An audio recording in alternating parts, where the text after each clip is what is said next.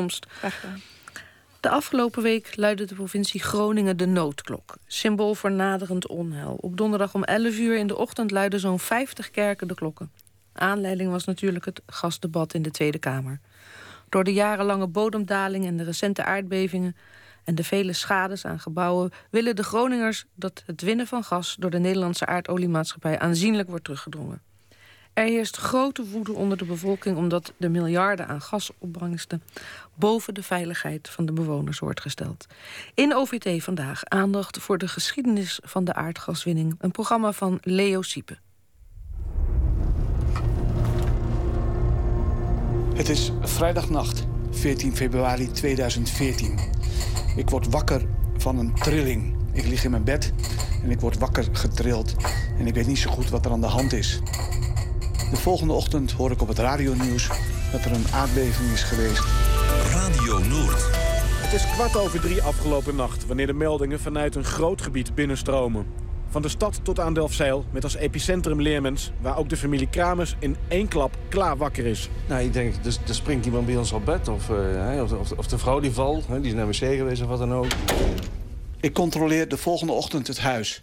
Ik kijk naar het plafond, ik kijk naar de muren... en ik probeer te ontdekken of er ook scheuren zijn... die het gevolg zijn van die aardbeving die ik heb meegemaakt. De trilling duurde naar mijn gevoel een seconde of 10, 12... Maar deskundigen zeggen dat kan niet. Uiteindelijk is het een seconde of twee, drie dat je daadwerkelijk voelt. Maar wat ik wel weet is dat er aan de achterkant van het huis... waar ik nu naartoe loop... dat daar een scheur in de muur zit, in het achterpand... wat er niet eerder zat. Een getrapte scheur. Vrij groot. Ik denk ongeveer een centimeter dik. En wij weten met z'n allen dat dit door de aardbeving komt. Vervolgens meld ik de schade bij de Nederlandse aardoliemaatschappij. En die komt dan met een technisch bureau op bezoek. En die constateert inderdaad dat deze scheuring hier aan de achterpand van mijn huis bevingschadescheuring is. Dat het afgelegen Groningen in staat is heel Nederland van energie te voorzien, daar kijkt geen Groninger van op. Het noorden heeft, afgezien van de steenkolenperiode, al eeuwen een belangrijke rol gespeeld in de Nederlandse productie van fossiele brandstoffen turf, zout en gas. In de 16e eeuw begon dat met het winnen van turf. Juist in het noorden, waar de grond rijk was aan hoog veen, werd de exploitatie op steeds grootschaliger wijze uitgevoerd. In de 19e eeuw werd de winning gemechaniseerd. Groningen en Drenthe groeiden uit tot de grootste turfproducenten van het land. Wij stookten in de keuken van de grote woonkeuken stookten we dus uh, turf en geen kolen. Alleen met turf. Uh, harde turf. Mevrouw van der Hoek uit Grijpskerk is 91 jaar. We zitten aan haar tafel bij de keuken met een kop koffie en een plak Groninger koek. Zij herinnert zich als jong meisje de turfaanvoer voor het stoken in de huizen. Dat werd aangeleverd per schip wij, wij lagen aan het vaarwater van de Hunze. Met een kruiwagen of met een wagen werd het opgehaald. En dan werd het in het hok uh, gezet. Hè? En dan hadden we een lichte turf. En dat was heel hol. En dat werd gebruikt voor in de stookhut voor, het, uh, voor de stookpot. En wat is een stookpot? Nou, dat, uh, die was voor de was, voor wekken. Ja, dat zat een hele grote ketel. En daar werd die dan voor gebruikt. Ja. En er waren twee soorten turf. Harde en zachte turf. En die harde turf, waar werd die voor gebruikt? Die harde turf werd gebruikt voor het stoken, warm houden, voor de kookkachel. Wij hadden een kolomkachel met zo'n gat ervoor in. Nou, die werd daar gestookt. Hè? En dan werd er s'avonds werd een kooltje vuur uit de kolomkachel gehaald. Die deed mijn moeder in de doofpot. En de volgende morgen dan kwam het erin, kleine stukjes hout erop, dat we aan de gang kwam. En mijn moeder die had ook wel een slag. Dan had ze de petroleumblik en dan dacht ze, het is nog niet goed. Woeps, dikke vlam. Ja. Maar de doofpot, dat komt daar vandaan? De uitdrukking in de doofpot stoppen? Ja, ja, daar komt de uitdrukking van. Al in de tijd dat turf de grote energiebron was... hebben de Groningers en met name de, ook de stad Groningen... daar werkelijk optimaal van geprofiteerd. En het treurige beeld van tegenwoordig is natuurlijk wel het gas uit de bodem, wel wegzakken, wel kraken de huizen en geen revenuen. Dat is dus allemaal een buitengewoon treurig beeld. Harm van der Veen uit Veendam. Hij woont midden in de veenkoloniën. De 80-jarige Veendammer gaf les op de Rijks-HBS. Ik kan me vooral de oorlogstijd herinneren. En waar nu de Blauwe Stad ligt, dat heette toen Meerland. Dat was een uh, heel anders gestructureerd stukje Oost-Groningen. Veengrond ook. En daar werd in de oorlog nog wat uh, turf gewonnen. En ik weet nog wel dat we daar met een boerenkar op afgingen. En uh, die turf daar vandaan haalden, opstapelden, moesten drogen. Flowen sprongen voortdurend in mijn richting, want dat is buitengewoon eigenaardige insect. Turf geeft flowen, maar ze gaan zeer selectief om met hun slachtoffers. wel, als kind herinner ik nog steeds al die vlooien en de pijn in de rug van al dat turfstapelen. Want dat heb ik dus toen ook nog eventjes moeten doen. De turfwinning in het noorden maakte van de stad Groningen een welvarend oord. Maar ook de rest van Nederland deelde mee in de turfwinning. Harm van der Veen. Het is eigenlijk begonnen kleinschalig aan de Hunze met name. Dan heb je het over de middeleeuwse turfwinning... waar ook kloosters en uh, boeren een kleinschalige rol in speelden. Het klooster Aarde werd al iets grootschaliger. Begon ook met uh, waterbouwkundige werken, zal ik maar zeggen. Maar de stad Groningen, dat was toch uh, de haven waar alle turf naartoe ging. De Hunze kwam er uit. Dus het ging ook vrij gemakkelijk. En kennelijk heeft de stad Groningen in de gaten gehad... hout verdwijnt steeds meer uit Nederland. Dat is als energiebron langzamerhand nauwelijks nog van betekenis. Turf heeft de toekomst. En toen hebben ze werkelijk een uh, haast magistrale politiek gevoerd, vind ik zelf. Gedurende eeuwen om steeds zich in een positie te manoeuvreren... dat ze optimaal van die turf geprofiteerd hebben. En de rest van Nederland ook? En de rest van Nederland ook, zei het op een heel andere manier. Maar de stad deed dat natuurlijk door de infrastructuur... waarmee ze met één de baas waren. Want de infrastructuur was toen eentje te water. dat was het belangrijkste vervoersmedium. En uh, de stad zorgde A ervoor dat de grote kanalen door haar werden aangelegd kreeg heel veel revenue, sluisgelden, tolgelden, passagegelden. En bleef eigenaar van de turfgronden, die ze zich ook eigen hadden gemaakt. En dat had dus prachtige belastingopbrengsten. En zo zie je dat met name doordat ze de infrastructuur beheersten... zij over enorme gebieden konden beschikken... die steeds de turf richting de stad voerden. Piet Heikens is 75 jaar en woont al zijn hele leven in Kolham, een dorpje nabij Slochteren. Hij herinnert zich nog het vuurbuiten met turf. Mijn vader die had dus een, uh, een boerderij. En dan morgens dan ging hij dus uh, naar de koestal. En nou, daar was dus ook een knecht. En, en uh, waren er jongens die ging uh, en die koeien melk. Maar daar op die koestal, daar was het lekker warm. Maar mijn moeder die ging daar ook mee af. En die staat in een grote koude boerderij. Er gingen kachels aan. Dat was het toen niet. Mijn moeder die ging dus aan vuur buiten, maar dat riep ze mij ook. En dat was morgen misschien zes uur, half zeven. Wat deed ze dan precies? Nou, en dan gingen we de vuur buiten en dan gingen we dus in een vrijstaand schuurtje. En daar ging ze dus, daar had ze dus een uh, oven. En daar maakten ze dus met turf en een beetje papier. Daar maakten ze dus vuur. En daar kwamen een paar kooltjes in. En als die kooltjes dan goed, uh, na een half uurtje zo'n beetje rood werden... dan ging ik met die kooltjes in een uh, bakje, een pannetje... naar het oofgebouw, naar, naar de keuken. En dan deed ik heel voorzichtig daar in een kachel... En dan deed ik er dus uh, een turf bij, maar dan maakte die turf helemaal stuk. Maar dat noemde mijn moeder altijd vuurbuik. In de eerste helft van de 20e eeuw treden er grote veranderingen op in de Nederlandse energievoorziening. Vooral steenkool ging, zeker na de ontwikkeling van de Limburgse kolenmijnen, een grote rol spelen. Harm van der Veen. Nou, aanvankelijk uh, stookte hij op kolen. En dat was er wel een beetje de strijd tussen kolen en olie. Maar wij zijn eigenlijk altijd de kolen trouw gebleven. Nootjes vieren zo herinner nog. Daar kocht je ook kachels op. Maar er was toen, ik werkte toen aan de ULO hier in Veendam. Ook met collega's sprak je wel. Sommigen hadden olie, die vonden dat weer voordeliger of makkelijker. Hoe dan ook. Uh, en plotseling toen aardgas werd aangelegd, dat kan ik me nog wel goed herinneren, was het ook werkelijk in de mum van tijd afgelopen. Iedereen leverde de oude kachels in. Daar kreeg je ook een habbekrats voor, als ik me goed herinner. En uh, ja, de betreffende zaken hadden natuurlijk gouden jaren toen. Maar die leverden de ene gaskachel na de andere.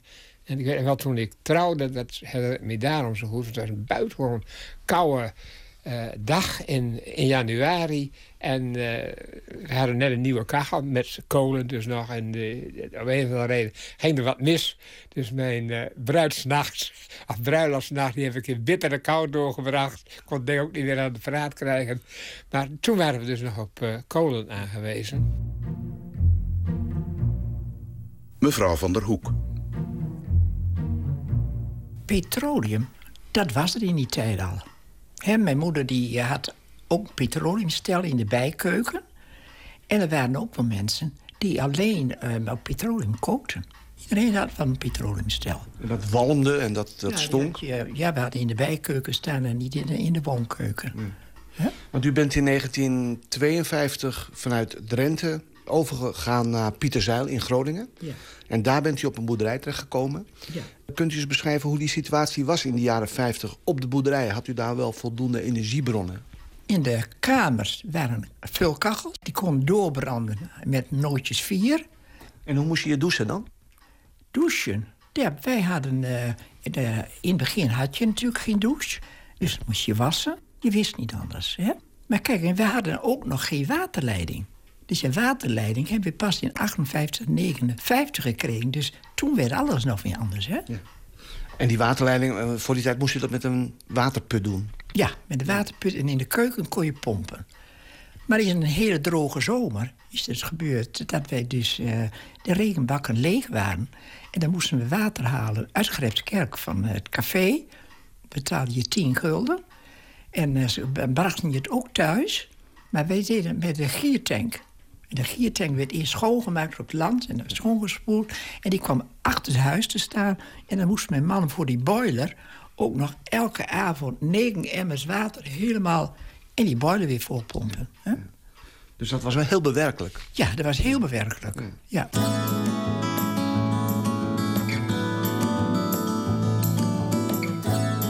Tussen 1945 en 1959 breidt de NAM haar seismische onderzoeksactiviteiten sterk uit. Het Polygoonjournaal doet verslag van seismologen die in 1953 door het land trekken om de aardlagen zorgvuldig in kaart te brengen. Al geruime tijd trekken Nederlandse geologen en technici door ons land om de ondergrondse bouw van onze vaderlandse bodem te onderzoeken. Men past hierbij verschillende methoden toe, onder meer de seismologische, waarbij men kunstmatig trillingen in de grond opwekt. Met een mobiele boorinstallatie worden daartoe op de voren vastgestelde plaatsen ondiepe gaten gemaakt voor het aanbrengen van dynamietladingen die deze trillingen teweeg moeten brengen. Bij het boren moet door de bijtel losgewijkte grond naar het aardoppervlak worden gevoerd. Dit gebeurt door een modderstroom die door de holle boorstangen en bijtel in het gat wordt gepompt. In de omgeving van het geboorde gat worden intussen op verschillende afstanden uiterst gevoelige seismografen in de grond geplaatst die iedere trilling opvangen en doorgeven aan een meetwagen.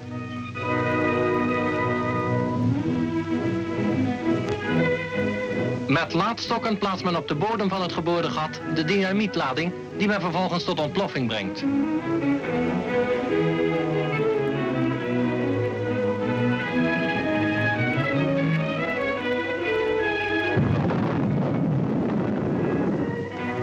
De door de explosie veroorzaakte trillingen planten zich in de grond voort en worden door verschillende aardlagen teruggekaatst. De seismografen vangen deze trillingen op en geven ze door aan de meetwagen waar ze worden geregistreerd. Met deze gegevens kan de geoloog zich een beeld vormen van de ligging der aardlagen. Door dit in kaart te brengen kan men bepalen waar zich mogelijk olie of aardgas bevindt. Een boring geeft echter pas zekerheid of de bodem werkelijk deze mineralen bevat. Op vele plaatsen worden dergelijke boringen verricht, vaak tot diepten van enkele duizenden meters. Als een van de eerste resultaten van dit bodemonderzoek ontdekte men destijds het olieveld de Schonebeek, waar nu zogenaamde ja-knikkers de ruwe olie naar het aardoppervlak pompen. Het seismologisch onderzoek wordt gestadig voortgezet in de verwachting meer olie en aardgas in eigen bodem te ontdekken. De NAM was op zoek naar olie, maar vond in mei 1959 gas. De eerste boortorens verschijnen in 1958 in het Groningerland. Eltje van Huis uit Ten Boer maakt als boerenzoon mee hoe er op het land seismologisch onderzoek wordt gedaan. De 72-jarige herinnert zich de boortoren die op het land van zijn ouders in Garmerwolde werd gebouwd. Ja, het was bezienswaardigheid. Zundoord en stond ontzettend veel mensen kwamen overal. Van heine en ver kwamen ze voort. Want er stond boortoren vlak bij de grun. En dat was een bezienswaardigheid was daar. Het was een bezienswaardigheid. Op zondag trok de boortoren veel bekijks. Ook de machines konden we zien. Open en bloot. Er was geen omheining. We hadden al wel veel geluidsoverlast. Maar daar werd verder niks aan gedaan. Dat accepteerde je gewoon. De boortoren werd op het land opgebouwd. Er werden motoren gebracht, ze gingen proefdraaien... en er kwamen buizen in de grond en toen begon het. Hold it just a minute, Smitty. Hey, Smitty. Okay. Go kind of slow with it. Don't like it about two feet. Alles was open met blauw. Iedereen die kon doorlopen. Als kind was ik altijd op de boortoren. We raakten bevriend met de boormeesters. Mijn ouders brachten elke zondagmiddag koffie. Dat was vaste prik. En toen de winning achter de rug was, kregen mijn ouders zilveren lepeltjes van Schonebeek. Dat aandenken heb ik nog. De boormeesters waren Amerikanen. Die hadden bijzondere kleren aan, met cowboyhoeden. De Amerikanen hadden verstand van olieboringen. Die kwamen uit Texas. We spraken met handgebaren. Ik maakte ook auto's voor ze schoon, van die grote Fords. Ik verdiende soms wel 15 gulden. Dat was in die tijd veel geld. Maar die Amerikanen hadden veel geld op zak. Ik haalde ook sigaretten voor ze. Dan kreeg ik een gulden. Ik had in die tijd een goede spaarpot. Nou, de deed tijd, die kreeg een gulden mee en dan kwam weer terug. En de, de rest, dat mocht ik. Dus ik heb mijn allerbeste spoorpad heb ik door uh, opbouwd. Tijdens de boring. Ik was de Argos Hebdong in de weg. Stotters in Zuidoord, ik was er altijd.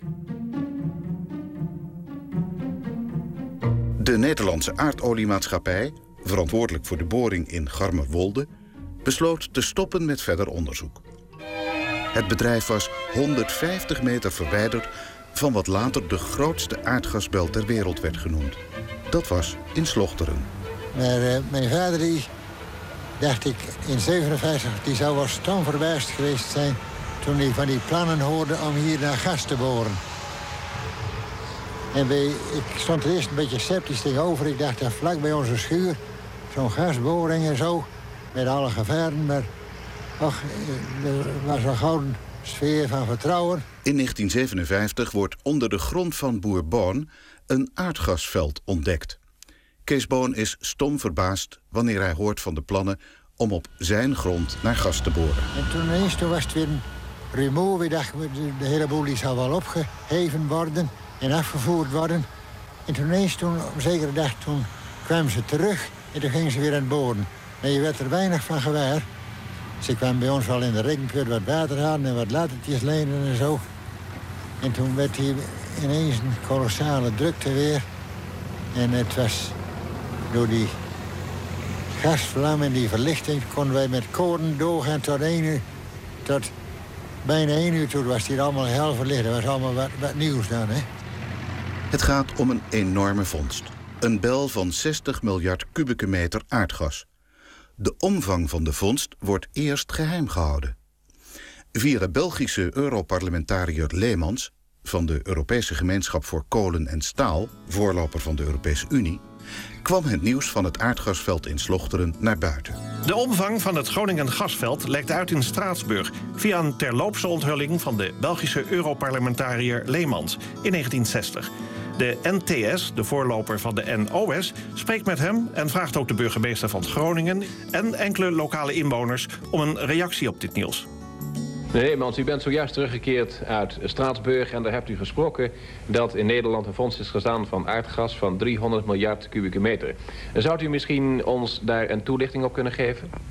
Inderdaad, uh, meneer Van Hoewijk, ik heb er de aandacht op willen vestigen dat dit niet de meest recente ontdekkingen waren. Doch dat daarnaast in Nederland een grote reserves van aardgas waren ontdekt... waarvan de betekenis, zo niet in omvang... Eh, dan tenminste voor wat onze gemeenschap betreft... Eh, van even grote waarde kon zijn. Burgemeester, kunt u iets zeggen over het belang dat deze aardgasvondst voor de streek en de gemeente zou kunnen hebben? Daar kan ik niet zo heel veel van zeggen, meneer Hoewijk. Deze voorraad gas die is natuurlijk wel belangrijk, maar dan is dat denk ik meer in streekverband of regionaal verband.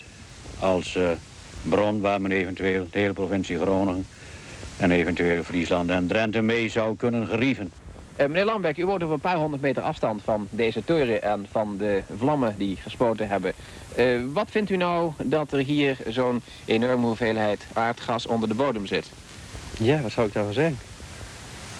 Niet te veel van te zeggen. Ja. Hebben u er veel last van gehad toen ze bezig waren om dat nou, te sporen? S'nachts wel, ja. Ja? S'nachts wel, vooral de kinderen. Als Ah. ze wakker werden, hè. Ja.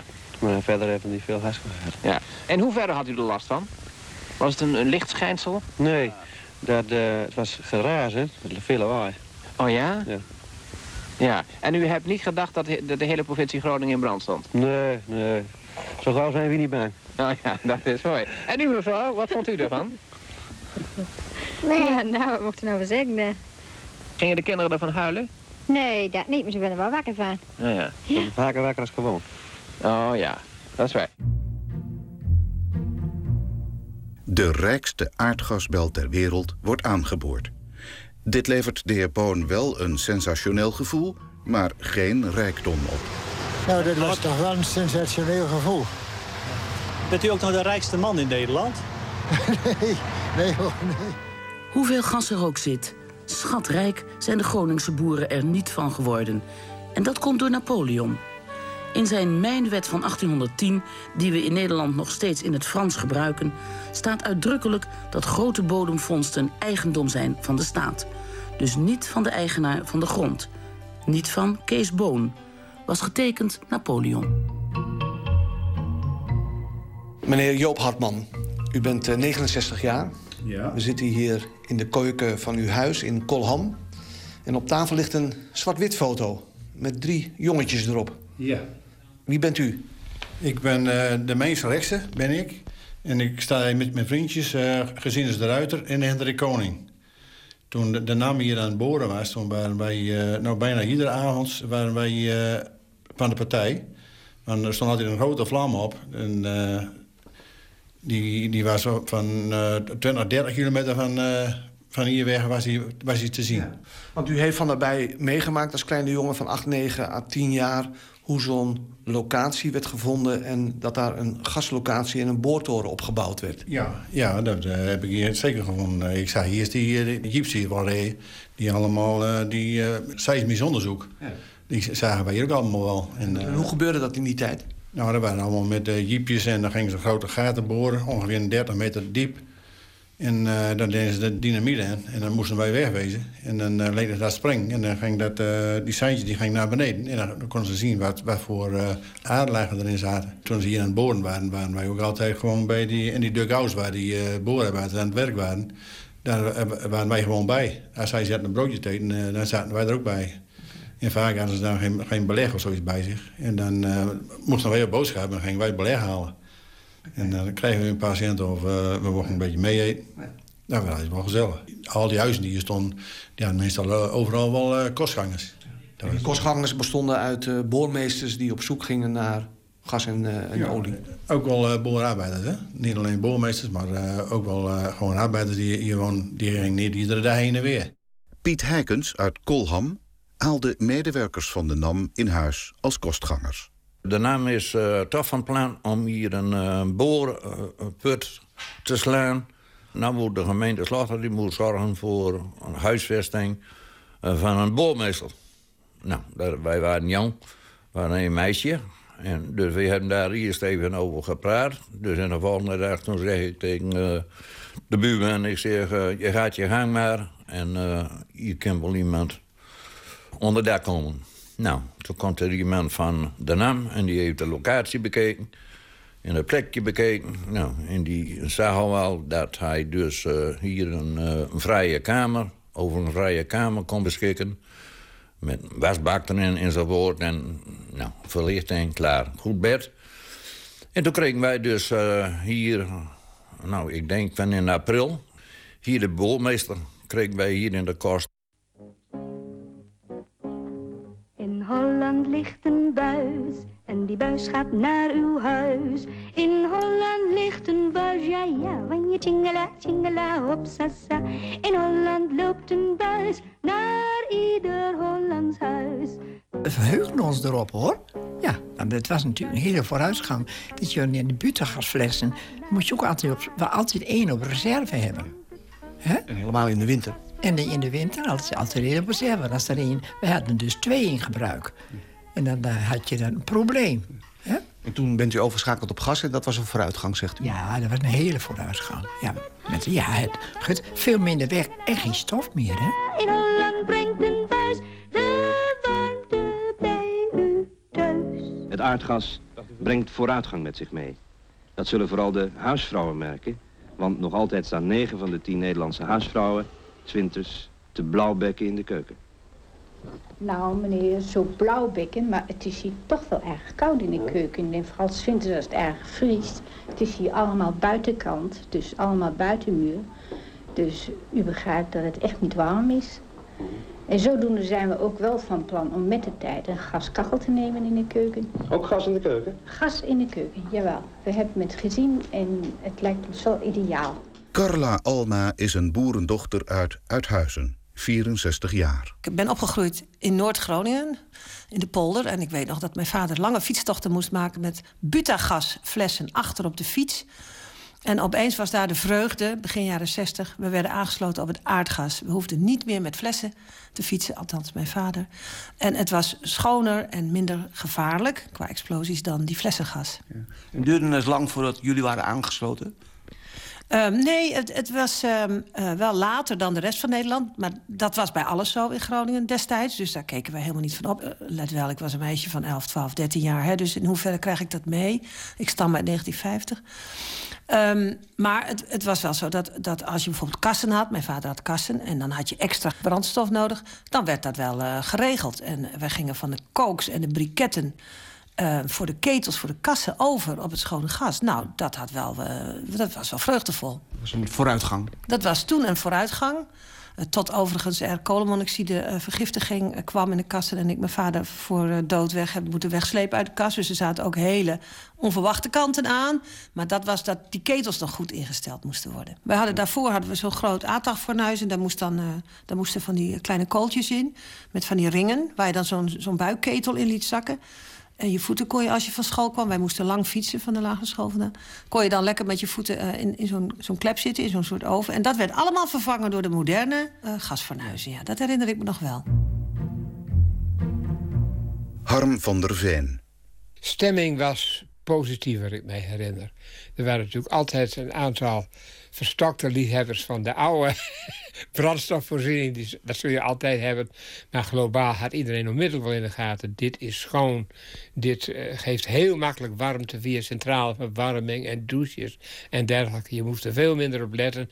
En vooral natuurlijk, je hoeft er niet voortdurend een kolenboer aan te schieten. Of weer een vat olie te vervangen. Dat was allemaal uh, veel, veel makkelijker. Dus de stemming was eigenlijk uitgesproken positief.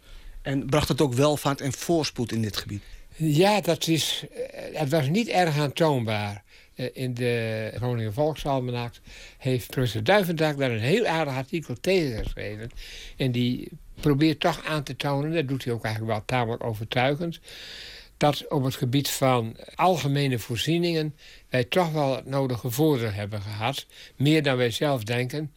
Ja, natuurlijk in je privéportemonnee komen, dat voel je het eerste en het sterkst. Daar hebben wij nooit veel van meegekregen. Dus dat uh, de globale opvatting is wel uh, leveren van gas, maar er weinig voor terugkrijgen. De euforie was groot in die tijd. De vondst van het aardgas bracht heel Nederland welvaart en voorspoed. Alleen kwam er van de opbrengsten weinig terug naar Noord-Nederland. En de verwachte banen of een betere infrastructuur? Piet Heikens uit Kolham. Hier is niks testbaars achtergebleven wat betreft dus de vooruitgang. Is geen woningbouw gekomen, is verder, zijn verder geen activiteiten gekomen. Nee, hoe jammer dat dat ook is... wij als Kalamsters zijn er dus uh, niet wijziger van geworden. Het was dus wel zo toen zij dus begon... en toen zij hier dus de gas dus toen zijn we tegen elkaar dit, is goeie, of dit kan wel eens een goede zaak zijn. Maar hier kan dus wel eens uh, werkgelegenheid achterweg komen. Maar helaas, er is uh, niks gebeurd verder enkel aan de boring is hier gebleven. Maar helaas, uh, de grond is door de gemeente wel aangekocht... maar er is nooit één woning gebouwd. En nu staat, staat hij vol met bos.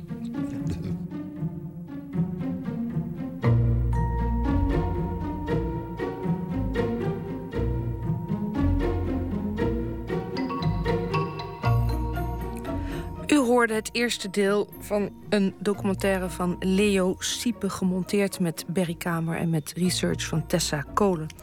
Volgende week in deel 2 van de geschiedenis van de gaswinning in Groningen... groeit het verzet tegen de almacht van de Nederlandse aardoliemaatschappij... en de staat der Nederlanden en wordt de noodklok ook al in stelling gebracht.